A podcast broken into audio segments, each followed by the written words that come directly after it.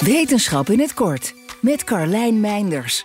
Onderzoekers van Washington State University zijn een gen op het spoor dat wel eens de perfecte schakelaar zou kunnen zijn voor een nieuwe, veilige mannenpil. Het ontdekte gen, ARRDC5, is alleen te vinden in het testisweefsel van mannen. Wanneer uitgeschakeld zorgt het, dus alleen bij mannen, voor onvruchtbaarheid.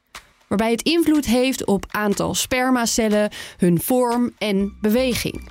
De spermacellen worden dus nog wel geproduceerd, ze kunnen alleen niet meer een eitje bevruchten. De onderzoekers vermoeden dat het eiwit dat door dit gen wordt geproduceerd essentieel is voor goed werkende spermacellen. De volgende stap: een middel ontwikkelen dat deze eiwitten kan beïnvloeden. En hormonen zijn daarbij niet nodig. En niet gevreesd, mannen. Het is een omkeerbaar proces. Je stopt namelijk niet het productieproces, je saboteert alleen een stapje onderweg. En dat zou na het stoppen met de behandeling gewoon weer opgelost moeten zijn omdat het gen bij vrijwel alle zoogdieren wordt gevonden, zou het voorbehoedsmiddel voor mens en dier geschikt moeten zijn. Misschien zou het zelfs castratie van vee kunnen vervangen in sommige gevallen.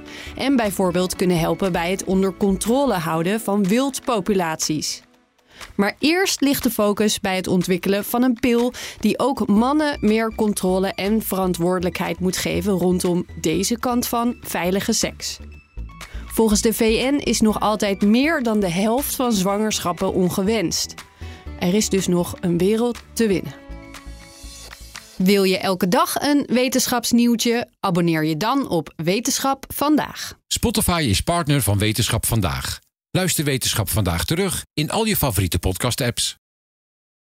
Ook Hugo Reitsma vind je in de BNR-app. Superhandig die BNR-app. Je kunt alle programma's live luisteren, breaking nieuwsmeldingen. Je blijft op de hoogte van het laatste zakelijke nieuws. En je vindt er alle BNR-podcasts, waaronder natuurlijk de belangrijkste, Boeken zijn in de wijk. Download nu de gratis BNR-app en blijf scherp.